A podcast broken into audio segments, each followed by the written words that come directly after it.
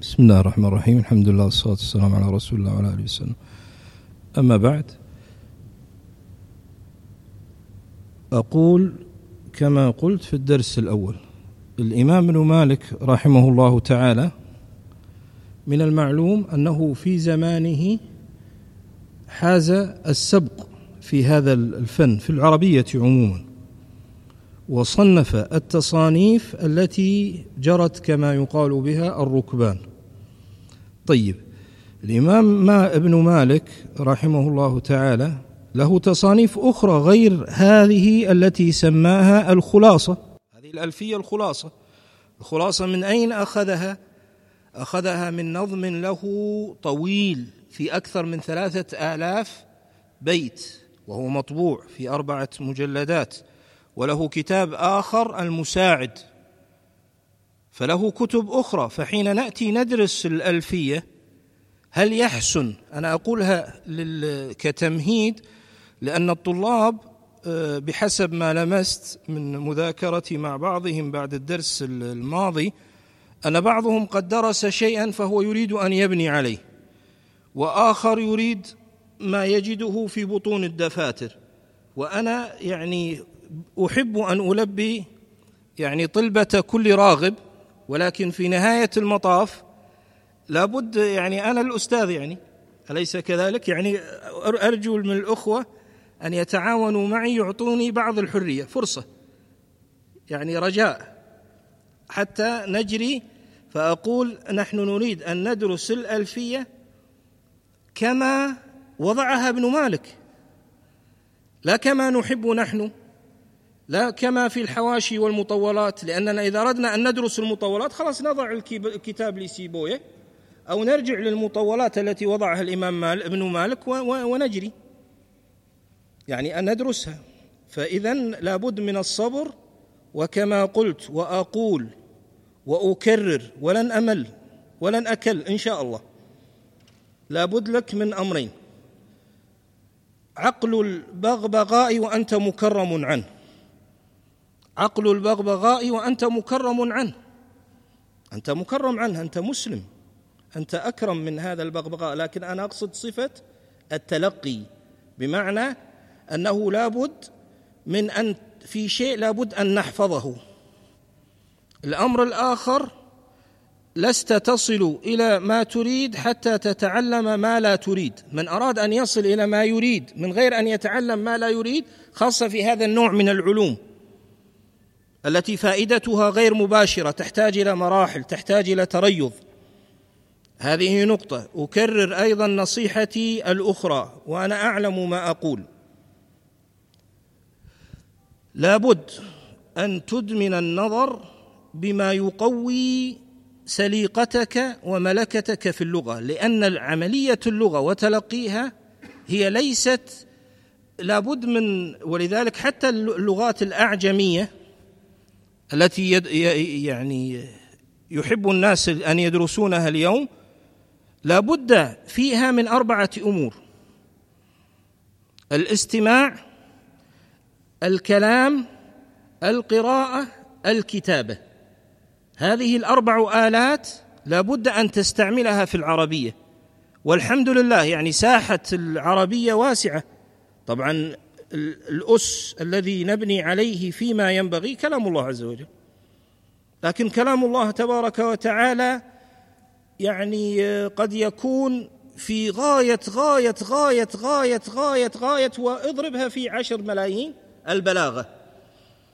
فبالتالي يعني قد لا يستشعر الناس أنهم من خلال تلاوته يحسنون تعلم العربية وفي الحقيقة أنه هو المعلم الأكبر إذا صح التعبير للعربية لأنه يوقعها في قلوبهم في تراكيبها. وإنما تفسد فطرة الناس وتفسد أذواقهم إذا صاروا إلى القراءة والسماع للأشياء المعوجة وإلى الأشياء الموشاة بالغريب والوحشي ونحو ذلك. لا إذا كنت تريد ارجع للشعر الجاهلي. الشعر الجاهلي هو يعني الشيء الذي يعتبر أقوى ما يكون. يعني هناك فائدة أنت تنالها لا تدركها. ليست كل الفوائد أنت تجنيها تستطيع أن تستعملها. فأنت إذا قرأت مثلا في الشعر الجاهلي قراءة صحيحة يحصل لك ماذا؟ تتدرب من حيث تشعر أو لا تشعر. فأقول لابد من استعمال هذه الثلاثة وسائل. سبق في الدرس الماضي أن قلنا يعني أن الاسم وهو أحد الأقسام الثلاثة للكلمات العربية التي من خلال التركيب بينها تتكون عندنا ما يسميناه بالجملة المفيدة التي يحسن السكوت عليها التي هي مدار بحثنا. فالاسم ينقسم إلى قسمين. قسم متمكن وقسم غير متمكن. متمكن من ماذا؟ وغير متمكن من ماذا؟ متمكن في الاسمية. يعني مشبع في وصف الاسمية لا يتزحزح عنها كامل. كاملة فيه الاسمية. لم يعني يفته شيء من شروط الاسمية بحسب التراكيب الأغلبية التي استقرأها أئمة اللغة. هذا المتمكن ينقسم إلى قسمين متمكن أمكن ومتمكن غير أمكن. لكنه في نهاية المطاف ماذا؟ متمكن. فالمتمكن الأمكن هذا لا يدخله إلا الإعراب الذي هو أنه أواخر أحوال كلماته تتغير بتغير العوامل الداخلة عليها. أما هذا المتمكن غير أمكن وهو الممنوع من الصرف. وكونه ممنوع من الصرف يعني لا يقبل التنوين ويلزم حركة واحدة لأنه فيه بعض النقص ليس نقصا في اسميته فهو متمكن. لكن نقص يشير إلى معاني نحتاج إليها في هذا النقص يعني هم لما سموه نقص من أجل ما يقابله في الكمال وإلا اللغة كلها كاملة حتى الحروف. يعني لا تحتقر الحروف. تقول والله هذا حرف ليس له لا الحرف أيضا شريف و لكن المسألة النسبية والقسمة عقلية وشيء منها استقرائي من أجل ماذا؟ من أجل تفهيمنا ما هي كيف بنيت لغتنا. فأقول الغير متمكن في الاسمية هو الذي يدخله ما يعرف بالبناء. وهو لزوم آخرة حركة واحدة مهما تغيرت العوامل من غير اعتلال ومن غير أي شيء آخر. فهذا يكون فيه البناء. الأصل في الأسماء الإعراب. الأصل في الأسماء ماذا؟ الإعراب. والبناء فرع. عكس الأفعال. الأفعال الأصل فيها البناء الأصل فيها البناء والإعراب فرع. الإعراب فرع.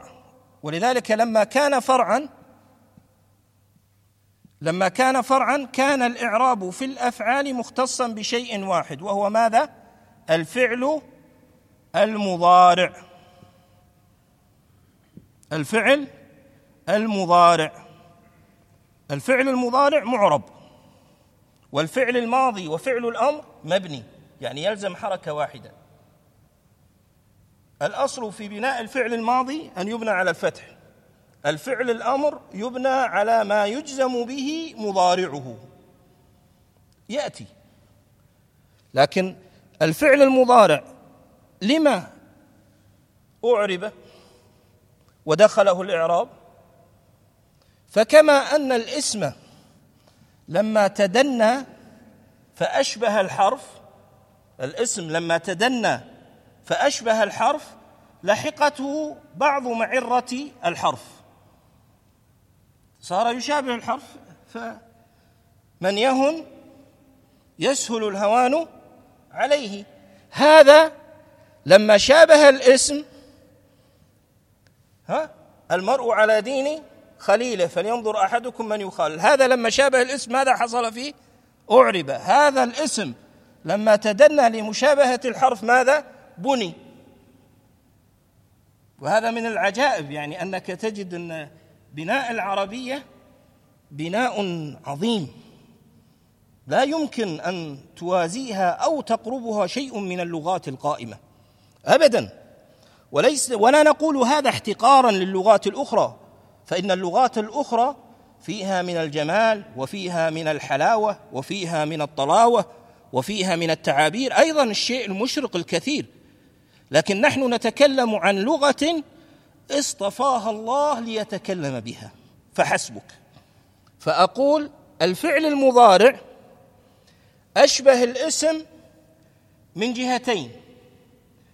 من جهة دلالته على الحال والاستقبال ومن جهة مشابهته في التركيب لاسم الفاعل كما تقول يضرب بمعنى ضارب.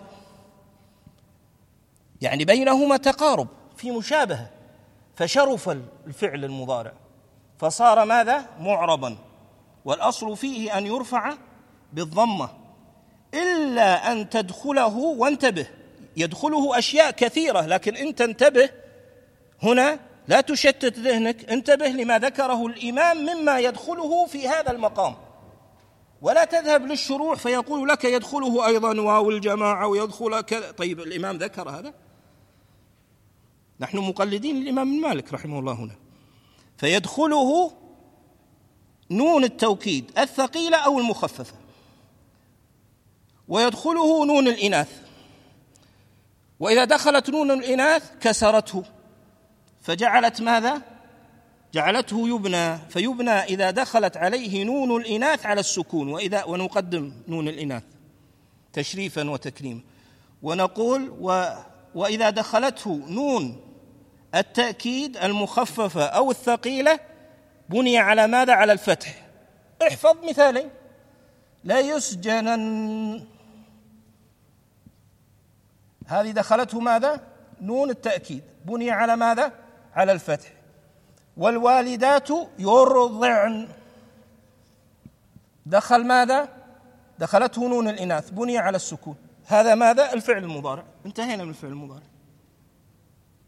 الماضي وتفصيله ولا تفكر في الأشياء التي ستدخل على المضارع لأن الأشياء التي ستدخل على المضارع ستخرجه عن كونه مضارعا في بنيته الأساسية سيستحيل إلى الأفعال الخمسة.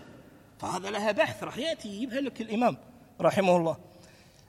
لكن الاسم لما تدنى وأشبه الحرف فهذا تقدم مشابهته للحرف. والإمام رحمه الله تعالى فيما أعتقد العلم عند الله أنه ذكر يعني مشابهة الحرف لأن الأئمة الكبار كسيبويا وغيره ذكروه. واضطرد فيهم. ذكر أن علة البناء في الاسم هي مشابهة الحرف وكما تقدم وهذا شرحناه في الدرس الماضي كالشبه الوضعي في اسمي جئتنا والمعنوي في لكن اليوم ومعرب الأسماء ما قد سلم. ومعرب الأسماء ما قد سلم من شبه الحرف كأرض أي كالصحيح من الأسماء التي ليس في آخره حرف علة وسمى ما كان في آخره حرف علة. فهذا ماذا؟ يعني هذين صنفين من يعني الصحيح والمعتل. إذا فإذا سلم الاسم من مشابهة الحرف رجع إلى أصله وعرينه الذي هو الإعراب. أما الفعل ففعل أمر ومضي بني بس كافي. الفعل الماضي والفعل راح يأتيك يذكر لك الحركات ويذكر لك الكذا. لا تستعجل التطبيق. ما تستطيع أكو أحد يتعلم سياقة السيارة وفي نفس الوقت بيطبق؟ يعني يعني أنا أتعجب يعني من الأشياء يعني.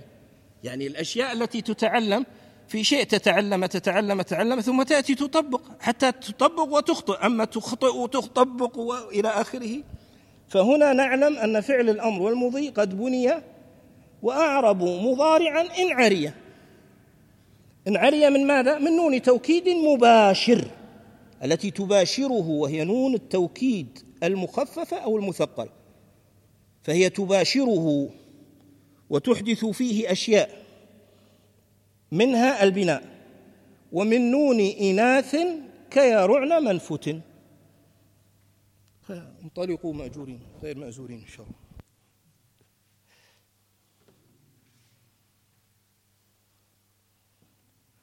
احفظوها. سهل حفظها. يعني معدل بيتين إلى خمسة إحنا حسب المعاني يعني من بيتين لخمسة لستة في الدرس الواحد ما تحسون إلا مشيتوا فيها. إن شاء الله. صلى الله يرزقنا وإياكم.